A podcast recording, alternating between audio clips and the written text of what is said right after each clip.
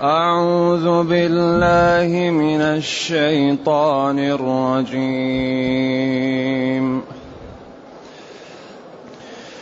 بسم الله الرحمن الرحيم. حميم.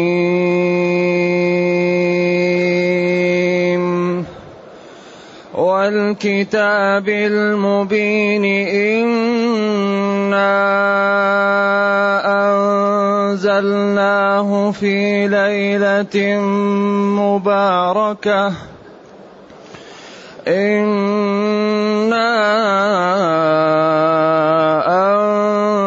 أنزلناه في ليلة مباركة.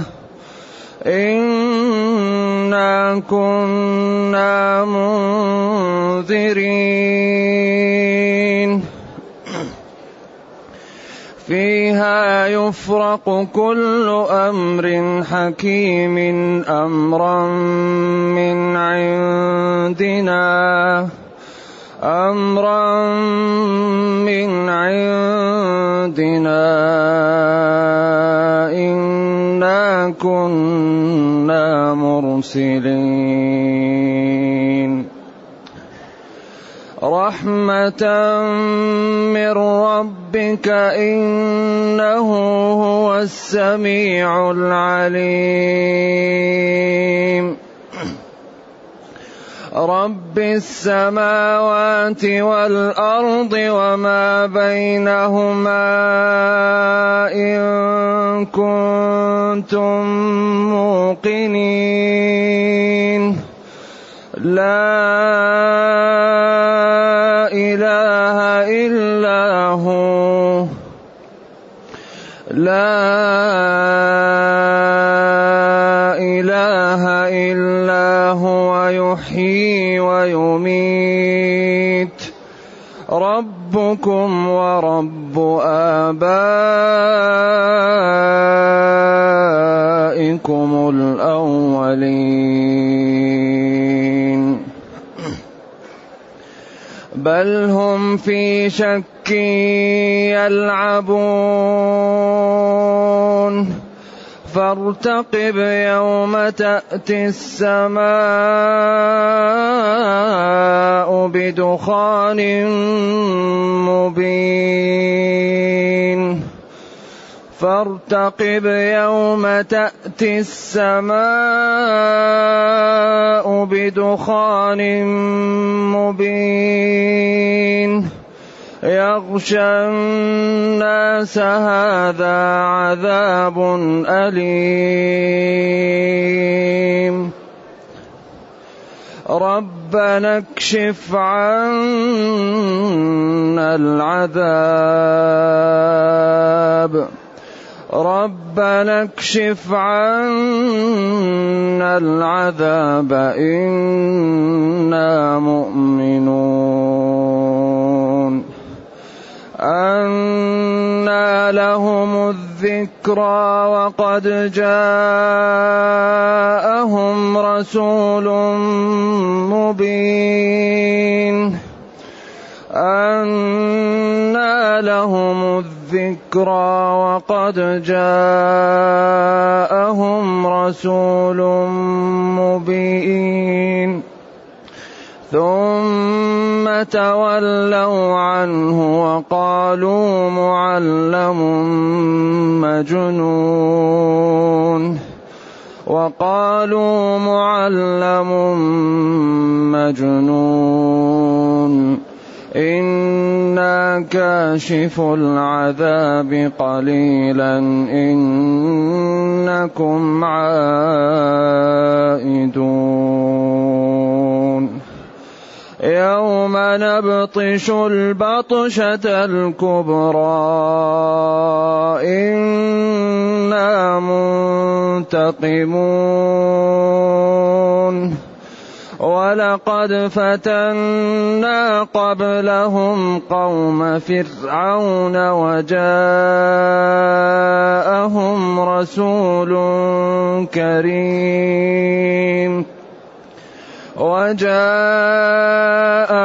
رسول كريم أن أد أدوا إلي عباد الله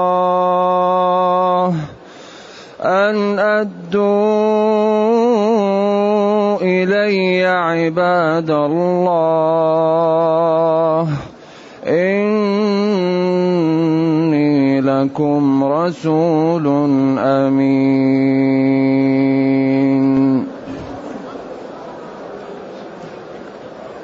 الحمد لله الذي أنزل إلينا أشمل كتاب وأرسل إلينا أفضل الرسل. وجعلنا خير أمة أخرجت للناس. فله الحمد وله الشكر على هذه النعم العظيمة والآلاء الجسيمة. والصلاة والسلام على خير خلق الله وعلى آله وأصحابه ومن اهتدى بهداه. أما بعد فإن هذه السورة تسمى سورة الدخان. فارتقب يوم تأتي السماء بدخان.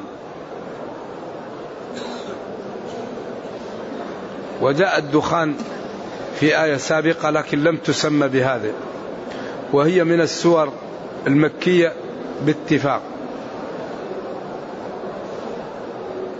وورد أن بعض الآيات منها مدنية لكن لم تأتي بسند وإنما جاءت برواية لا تصح.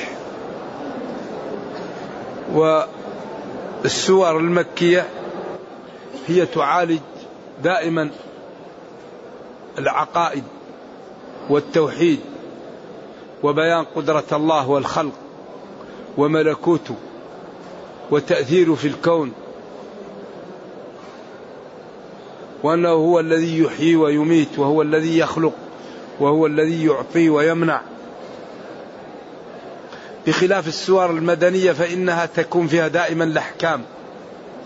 قضية المنافقين قضية الحدود قضية التشريعات الصلوات البيوع. فدائما السور المدنية فيها أحكام والسور المكية فيها أدلة وبراهين عقلية. وأغلب السور المكية تكون قصيرة وأغلب السور المدنية تكون طويلة وقد تكون بعض السور المكية طويلة كالأنعام وكالأعراف. وقد تكون بعض السور المدنية قصيرة كسورة النصر. لكن هذا الغالب. حاميم. طبعا تقدمت البسملة والكلام فيها. وهل هي آية من القرآن أو ليست آية من القرآن؟ وهل هي آية مستقلة أو جزء من آية؟ أقوال للعلماء أحسن ما يقال فيها أنها النظر إلى القراءات. بعض القراءات تكون البسملة فيها من القرآن وبعض القراءات تكون البسملة ليست من القرآن. فمن جهر بالبسملة جعل البسملة من القرآن ومن أسر بالبسملة جعل البسملة ليست من القرآن. ولذلك الخلاف بين الفقهاء في البسملة راجع إلى القراءات. هذا هو التحقيق نعم. ولذلك قالوا وليس للقرآن تعزى البسملة. أي بسم الله الرحمن الرحيم.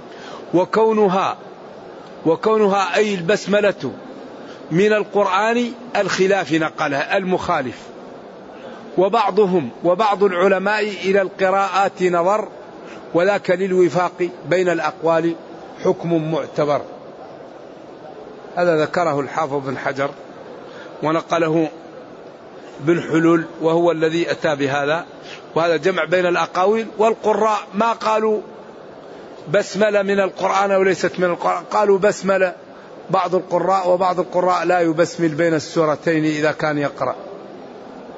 أما ففي البداية فيبسملون إذا كان في بداية القراءة. أما بين السورتين بعضهم يبسمل وبعضهم لا يبسمل وبعضهم يسكت وبعضهم نقل عنه الخلاف. وبسم الله الرحمن الرحيم يعني أبتدئ قراءتي بتسمية الله المعبود بحق الذي شملت رحمته جميع الخلق وخص المؤمنين برحمة خاصة. هذا هو بسم الله الرحمن الرحيم. يعني أبتدئ قراءتي بتسمية المعبود بحق الله. الذي شملت رحمته جميع الخلق وخص المؤمنين برحمة خاصة. في الدنيا والأخرى. حاميم. حاميم. وفي نقص عسلكم شكل يمد وحي رهط شكلها ليس يمد. الحاء لا تشبع حاء لكن ميم. نعم. عسلكم تشبع حروف عسلكم تشبع في الحروف المقطعة. وحي رهط لا تشبع ولذلك الحاء تقول حاء بس حركتين حاء لكن تقول ميم تشبعها. واختلف العلماء في الحروف المقطعة إلى قولين. قول إنها من المتشابه. وهو الذي يذكره بعض المفسرين ألف لام ميم أو حاميم الله أعلم بمراده بها. القول الثاني أنها ليست من المتشابه واختلفوا إلى أكثر من ثلاثين قولا. من أراد إشباع الموضوع فليقرأ في أول سورة هود في أضواء البيان. في إيضاح القرآن بالقرآن في أول سورة هود. ألف لام را كتاب أحكمت آياته ثم فصلت. فذكر أن العلماء لهم فيها قولين قول إنها من المتشابه القول الثاني أنها ليست من المتشابه واختلفوا إلى ثلاثين قولا أو أكثر من ذلك. وأقرب ما يقال إن هذه الحروف جاءت لبيان إعجاز القرآن. وأنها لا يقصد بها معنى في ذاتها وإنما يقصد بها الإشارة إلى أن القرآن مكون من هذه الحروف وأنتم يا قريش أصحاب فصاحة وبلاغة ووصلتم في ذلك إلى مرتبة لم يصل لها غيركم. فإن كنتم مكذبين بهذا الكتاب وأنتم أصحاب فصاحة وبلاغة فأتوا بمثله. فإن عجزتم فاعلموا أن هذا الكتاب كتاب من عندي وأرسلت به نبيي فآمنوا به واتبعوا نبيي فيما جاءكم به. فهو إظهار للإعجاز وللتحدي. وأكبر دليل على ذلك أن هذه الحروف أغلب ما تأتي يأتي التنويه بعدها بالقرآن. حاميم والكتاب المبين. قسم الكتاب القرآن المبين الواضح الذي لا لبس فيه. إنا الله أنزلناه لا غيرنا. ولذلك هو صفة من صفات الله. القرآن كلام الله صفة من صفاته. بكلامه يخلق. ولذلك قال إنما أمرنا للشيء إذا أردناه أن نقول له كن فيكون. والكتاب المبين. إنا أنزلناه. يمكن هي جواب القسم. أنزلنا أنزله الله. أنزلناه. فالنون لله وهو للقرآن. أي أنزل الله القرآن. إنا للمعظم نفسه والله تعالى هو العظيم. نعم. في ليلة مباركة. ليلة هذا التنكير للتعظيم. ليلة عظيمة مباركة كثير فيها الخير والبركة. كما قال تتنزل الملائكة والروح فيها من كل أمر سلام سلام. هي حتى مطلع الفجر.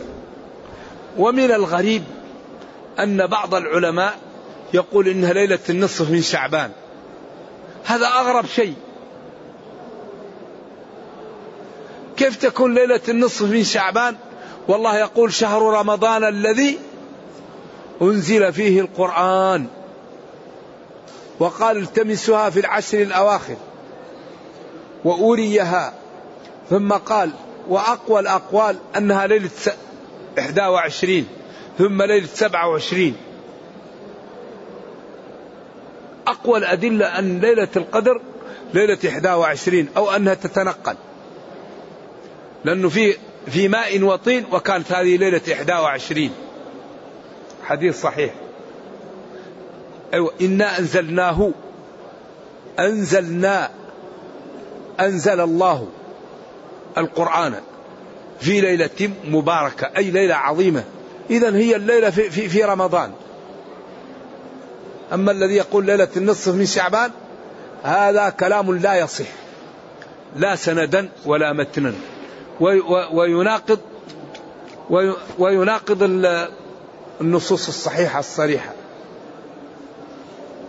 ولذلك ورد عن بعض السلف أن ليلة النصف من شعبان ويعمل فيها بعض الأشياء وهذا لا يثبت فيه شيء. بل النصوص الصريحة أن ليلة القدر في رمضان لأن الله قال شهر رمضان الذي أنزل فيه القرآن على الخلاف. هل القرآن كله أنزل من اللوح المحفوظ إلى سماء الدنيا إلى بيت العزة؟ هذا قول وأغلب الروايات لا تصح. أو أنه ابتدأ إنزاله في رمضان على الأقوال الواردة في ذلك. إذا القول إن ليلة النصف من شعبان قول مرجوح لا تسعفه الأدلة ولا دليل عليه. ليلة مباركة وهي ليلة القدر وهي في رمضان. وهل هي تتنقل؟ ذكر الحافظ بن حجر فيها أكثر من أربعين قولا في نفس في كتاب الصيام. وقال التمسها في العشر في أوتار العشر الأواخر. وكان إذا كان في العشر الأواخر أحيا ليله وأيقظ أهله وشد مئزره. قال العلماء هو كناية عن الاجتهاد في العبادة أو البعد عن النساء. شد مئزره فيها قولان. القول أنه يعني الاجتهاد في العبادة في هذه العشر أو أنه كان يبتعد عن النساء في هذه العشر لأنه يعتكف والاعتكاف ولا تقربوهن وأنتم عاكفون في المساجد من شروط الاعتكاف البعد عن النساء معروف. في ليلة عظيمة مباركة إنا كنا منذرين أي مخوفين خلقنا فيها في هذه الليلة. يفرق ويفصل كل أمر محكم مقدر من عند الله تعالى في هذه الليلة إلى مثل الليلة التي بعدها. فلان يموت فلان يولد له فلان يرزق فلان يقع له فلان يصح فلان يمرض. قال بعض العلماء يكتب الواحد من الأموات وينجب ويملك ويبيع ويسافر وهو كتب من الأموات. كل أمر حكيم محكم يفرق في هذه الليلة. وهي ليلة النصف من شعبان هذا مرجوح. وإنما هي ليلة القدر التي هي ليلة كلها خير والعبادة فيها تساوي ألف شهر. خير العبادة فيها من ألف شهر. نعم. أمرا من عندنا. أمرا هل هي حال أو مفعول مطلق أو هي يعني منصوبة بفعل محذوف؟ أمرنا ذلك أمرا. أو ألزمناه. من عندنا إنا كنا مرسلين. إنا كنا مرسلين الرسل رحمة من ربك. أرسلناهم لماذا؟ للرحمة. أي أرسلنا الرسل لأجل الرحمة. وما أرسلناك إلا رحمة. ولذلك ربنا كريم يرسل الرسل ليبينوا لخلق الله الواجب. وليبينوا لهم الحرام. فيسعد من طاع ويشقى من كفر ولم يطع. إذا هو أرسلهم لرحمة خلقه الذين قدر لهم الرحمة. رحمة من ربك إنه هو السميع لأقوالكم العليم بنياتكم وسيجازي كلا بعمله. إذا لا مهرب. هذه الدنيا لا علاج لها إلا الصدق. أرسل الرسل وأتوا بالحجج والبراهين وأعطى للناس العقل وقال إنه لا يعذب إلا بعد إعطاء العقل وإرسال الرسل. ما يعذب أحد إلا بعد أن تأتيه الرسل وتقول له الكفر يدخل النار الإيمان يدخل الجنة. ما يمكن يعذب إنسان إلا بعد قيام الحجة. ولا يمكن أن يعذب الإنسان إلا بعد أن يعطى العقل ويكلف. وكل تكليف بشرط العقل والبلوغ. أعطاه فسحة حتى يكتمل عقله ويعطى العقل. إذا كان ما عنده عقل لا يكلف. المجنون المعتوه لا يكلف. بعدين أي شريحة من من خلق الله تدخل النار قبل أن تدخل يقول لها خزنة النار ألم يأتيكم نذير؟ فيقول أهل النار ما لا بلى قد جاءنا نذير فكذبنا. طيب. لا تلومن إلا أنفسكم. لوموا أنفسكم. فلذلك ينبغي للعقل أن ينتبه وينجو بنفسه قبل أن يفوت الأوان عليه. التسويف هذا خطر. عدم العلم خطر. عدم المبالاة خطر. عدم الخوف خطر. الاستهتار خطر. واحد ما يخاف. ولا يبالي ولا يتعلم ولا يعطي وقت لدينه. من أين يخاف وهو ما تعلم؟ من أكبر أسباب الخوف العلم. الذي لا يتعلم لا يخاف والذي لا يخاف ما يمكن يصلي. وإنها لكبيرة إلا على الخاشعين. الذي لا يخاف لا يصوم لأن الصوم يقطع عن الإنسان عن شهوته. أعظم شهوة الصوم يحول بينك وبينها فالذي لا يخاف ما يقدر يصوم. الذي لا يخاف ما يمكن يغض بصره عن الحرام. شهوة النظر شهوة السماع شهوة النطق. ذلك أهم شيء التعلم لأن التعلم هو الذي يرغمك على الخوف من الله. إذا تعلمت خفت وإذا خفت ابتعدت عن الحرام فسلمت. إذا كان الواحد ما عنده استعداد ليعطي وقت لدينه طيب من أين يت... من أين يعرف الواجب؟ من أين يعرف الحرام؟ من أين يخاف؟ من أين يتبع؟ لا بد أن نعطي وقتا لديننا هذا الدين لا بد أن نعطيه وقت كما أننا نعطي وقت للدنيا تجد كل واحد لا بد أن يكون له عمل وظيفة أو شغل ليعيش منه طيب لا بد أن نتعلم ديننا لنسلم من النار لتكون أعمالنا لنا تكون أعمالنا صح الذي يشتغل و و ويعبد الله على غير علم أعماله خطأ. لأن كل عبادة لها مواصفات شرعها الله.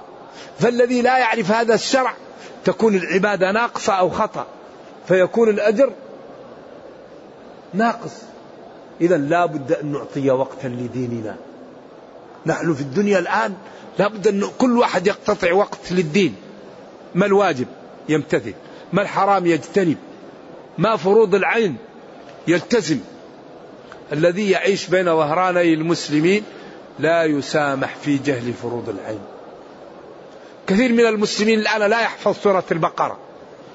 مسلم لا يحفظ سورة البقرة.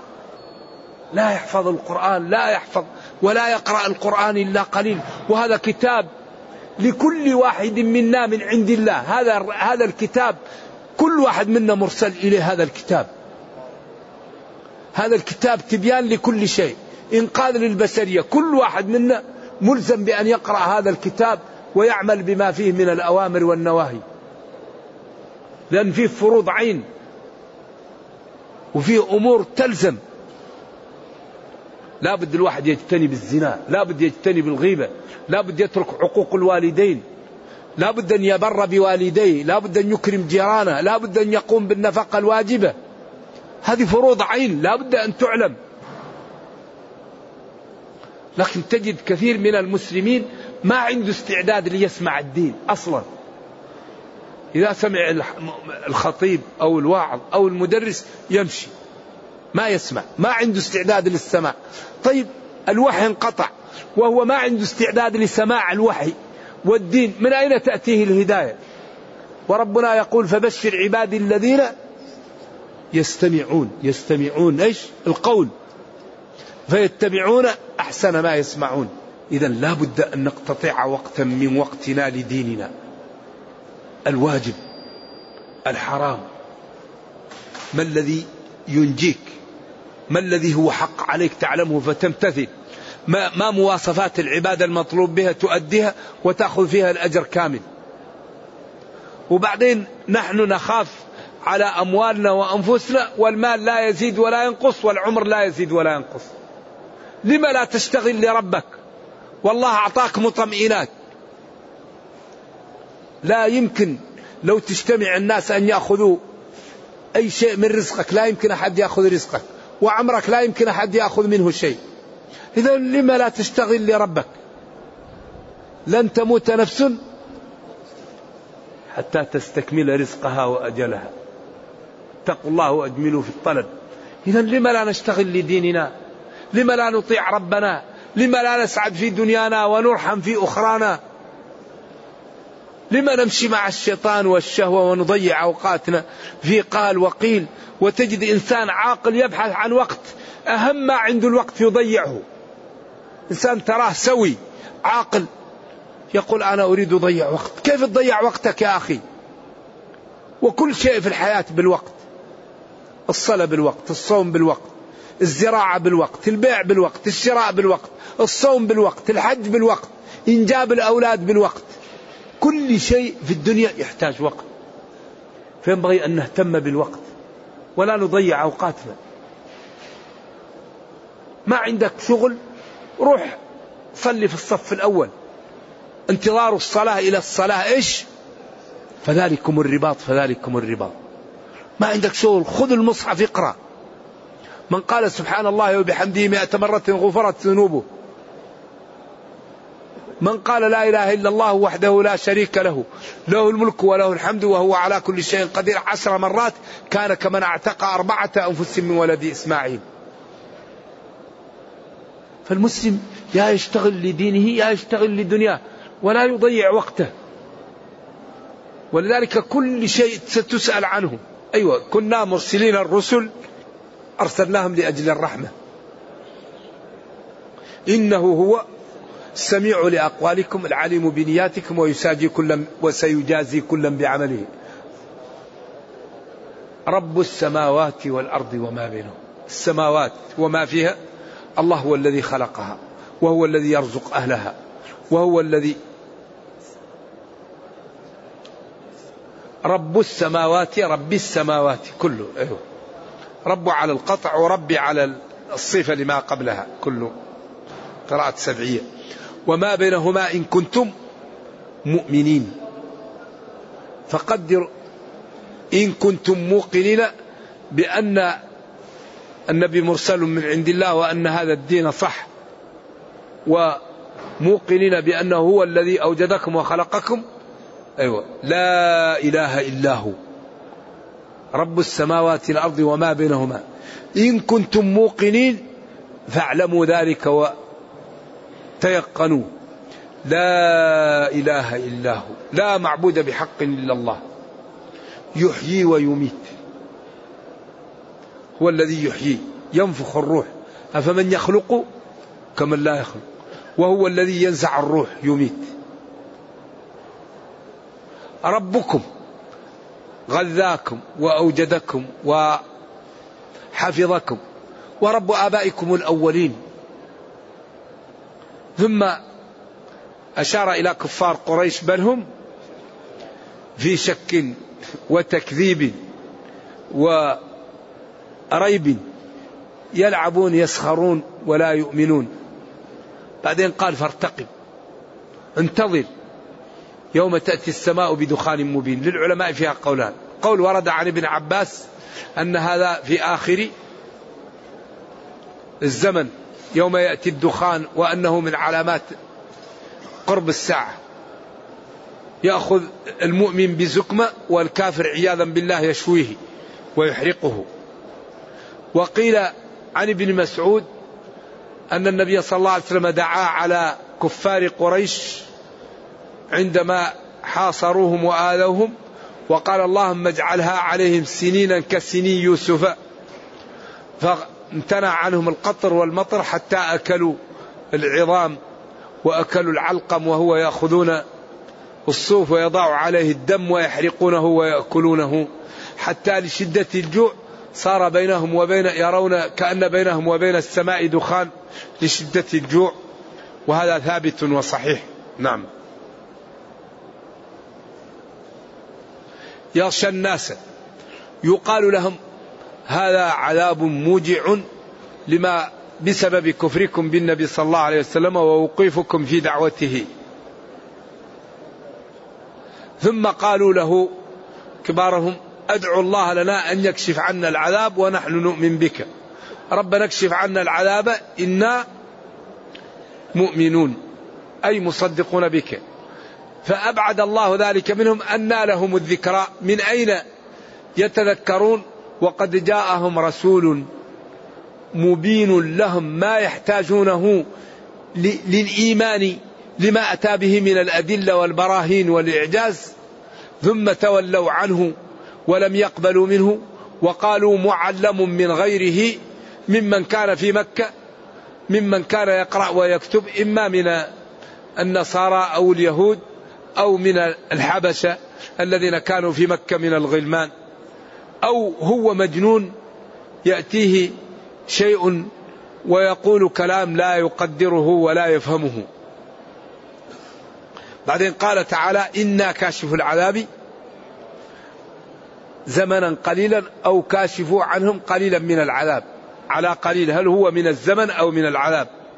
إنكم عائدون إلى الكفر ثم قال اذكر يوم نبطش البطشة الكبرى وللعلماء فيها قولان قول هو يوم بدر وما أصابهم. القول الثاني أنه ما يصيبهم يوم القيامة من العقوبة ومن بيان نتائج الكفر وما ينالهم من الجزع ومن الخوف. ولقد ثم بين لنبيه صلى الله عليه وسلم أنه لو كذب به قومه فهذه طريق الرسل قبله وهذا طمأنة للنبي صلى الله عليه وسلم وتسلية له. ولقد فتنا قبلهم قوم فرعون بالأموال والجاه والأنهار وبالخير وأرسلنا إليهم نبينا موسى. وقلنا لهم أدوا إلي عباد الله ان أدوا إلي عباد الله فيها قولان. أي سلموني بني إسرائيل ولا تمنعوهم من أن يذهبوا معي. أو ان ادوا إلي يا عباد الله ادوا إلي الطاعة واتبعوني فيما جئتكم به وآمنوا بي. وتكون عباد الله منادى. أي يا عباد الله. وهذا الذي اختصر عليه صاحب الجلالين. نعم. إني لكم إيه، وجاءهم رسول وهو موسى كريم من عند الله وقال لهم أرسلوا معي بني إسرائيل أو أطيعوني فيما جئتكم به. يا عباد الله وأن لا تعلوا على الله أي تتكبروا علي إني آتيكم بسلطان بحجة وبرهان واضح وإني عدت إني لكم رسول أمين. أي رسول من الله أمين فيما جاءني به. وهذا فيه تسلية للنبي صلى الله عليه وسلم وفيه بيان لصدقه وفيه إزراء بالذين كفروا به ممن كان حوله ممن من أهل الكتاب. لأن هذه الأمور لا تعلم إلا بوحي سابق. نرجو الله جل وعلا أن يرينا الحق حقا ويرزقنا اتباعه وأن يرينا الباطل باطلا ويرزقنا اجتنابه وأن لا يجعل الأمر ملتبسا علينا فنضل. اللهم ربنا آتنا في الدنيا حسنة وفي الآخرة حسنة وقنا عذاب النار. اللهم اختم بالسعادة آجالنا وقم بالعافية غدونا وآصالنا واجعل إلى جنتك مصيرنا ومآلنا يا الراحمين سبحان ربك رب العزة عما يصفون وسلام على المرسلين. الحمد لله رب العالمين وصلى الله وسلم وبارك على نبينا محمد وعلى آله وصحبه. والسلام عليكم ورحمة الله وبركاته. هذا يقول ما لا يفعل من ابتلي بوسوسة الشيطان فتارة يوسوسه في الله عز وجل؟ وتارة في القرآن وتارة في الرسول صلى الله عليه وسلم. أولا هذا ينبغي للإنسان أن يتعلم لأن الذي يتعلم الشيطان ما يقدر يأتيه يخاف من العلماء. ولذلك الله قال إن عبادي ليس لك عليهم سلطان. إنما سلطانه على الذين يتولونه. يتبعونه ويطيعونه. فهذا القرآن أكبر دليل أنه من عند الله أن قريش وهم أبلغ الناس. قيل لهم أتوا بسورة من مثله ويساعدكم من على وجه الأرض. فتركوا الإتيان بمثله وتركوا وقاتلوا وفقدوا أموالهم وأنفسهم. ولو كانوا يستطيعون أن يأتوا بكلام لم يقاتلوا ويتركوا الكلام ولكن كانوا عاجزين عن الإتيان بمثله. والناس بالنسبة للقرآن صنفان. صنف يعلم البلاغة ودرس اللغة العربية دراسة معمقة. فإذا سمع القرآن علم أنه اختار له أجمل الحروف في أجمل الكلمات في أجمل المعاني في أجمل النظم. فجمع من الجلال والجمال ما لا يستطيعه البشر. ولكن هذا لا بد أن يكون صاحبه متقدما في الدراسة تقدما قويا حيث درس الأساليب وعرف بما يجمل الكلام وبما يقبح الكلام.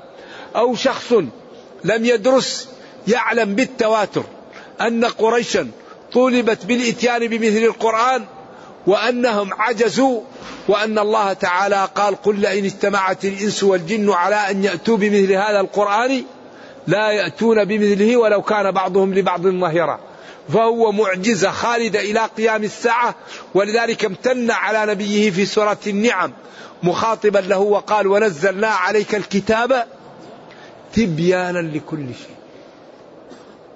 لا يوجد شيء إلا وهو مبين في القرآن. أصول الإدارة أصول الاقتصاد أصول التربية أصول الأخلاق أصول البيع أصول الهندسة. كل شيء مبين فيه.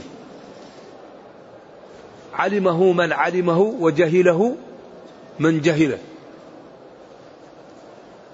قال له أترى في القرآن من جهل شيئا؟ عادا قال نعم بل كذبوا بما لم يحيطوا بعلمه. قال في هندسة نعم ظل ذي ثلاث شعب. فيه الحدادة نعم وقدر في السرد. كل شيء تبيان لكل شيء. لذلك هذا الكتاب معجزة خالدة إلى قيام الساعة. حري بأن نعمل مراكز عملاقة لأن نستفيد ونفيد العالم بهذا القرآن. لا بد من الاهتمام بالمراكز القوية للاستفادة من هذا الكتاب. في ديننا في دنيانا في التربية في الأخلاق في الاقتصاد في العلاقات في الإدارة في التعامل. هذا الكتاب معجزة خالدة. حري بنا أن نعطيه الوقت. حري بنا أن نتدبره. حري بنا أن نقف على ما وصل الناس فيه. ولذلك هذا باب مفتوح للخير. قالوا وهل خصكم رسول الله صلى الله عليه وسلم بشيء؟ قال لا والذي فلق الحب وبرأ النسمة إلا فمن يعطيه الله رجلا في كتابه. وما في هذه الصحيفة. فهم يعطيه الله رجل في كتابه. هذا باب مفتوح إلى قيام الساعة. ولذلك قال علي رضي الله عنه لابن عباس كأنما ينظر إلى الغيب من ستر رقيق لأنه قال لعلي لا تذهب إلى العراق فأنتم لكم النبوة والغلبة لمعاوية رضي الله عنه لأنه من أولياء دم عثمان والله قال ومن قتل مظلوما فقد جعلنا لوليه سلطانا فالغلبة لمعاوية ولا تذهب للعراق. فقال فكأنما ينظر إلى الغيب من ستر رقيق ما حكم من ترك ركعتي طواف الإفاضة جهلا وسهوا؟ يصليهم بعد ذلك يصليهم. ما حكم من جاء إلى الحج وتأخرت القافلة؟ كلها عن دخول من يوم التروية وذهبوا مباشرة يوم التاسع إلى عرفة. علما بأنهم في مكة قبل ذلك. لا شيء عليهم. اتفق الأئمة الأربعة على أن المبيت ليلة تسعة. ليلة ليلة التاسع. والمقيل يوم التروية في منى أن هذا فضيلة لا يلزم به شيء. واتفقوا على أنه سنة. من عمله وجد الأجر ومن لم يعمله نقص الأجر ولا إثم عليه. هذا لا أعلم فيه خلافا أن صلاة الظهر والعصر والمغرب والعشاء والفجر في منى يوم التروية وليلة التاسع أن هذا الأمر لا يجب فيه ولا يلزم فيه شيء ولكنه من السنة. نعم. لكن لا أعلم أحد قال إنه واجب. نعم. نصيحتي كيف أحافظ على حفظ كتاب الله؟ أنا أحفظه وكثيرا ما أنساه بسبب الأعمال الدنيوية. حاول أن تقرأ كل صلاة جزءا من القرآن. كل صلاة تقرأ جزء. والجزء يأخذ منك من عشر دقائق إلى عشرين دقيقة. ربع ساعة إلى ثلث ساعة. فتدخل قبل الأذان بعشر بخمس دقائق أو تأخر بعد الصلاة بخمس دقائق وتقرأ جزء. إذا كنت حافظ تقرأه غيب وإذا كنت غير حافظ تقرأه في المصحف. فإذا كنت كل صلاة تقرأ جزء كل ستة أيام تختم القرآن. تختم القرآن في الشهر أربع مرات في السنة أكثر من خمسين مرة. تمتلئ الصحيفة من القرآن وبعدين يسهل عليك وتحفظ. ولكن مشكلة أن الشيطان لا يتركك تأتي قبل الأذان ولا يتركك تتأخر بعد الصلاة. يقول قوم قوم قوم يحاول يقيمك عشان ما تقرأ. نعم. نرجو الله.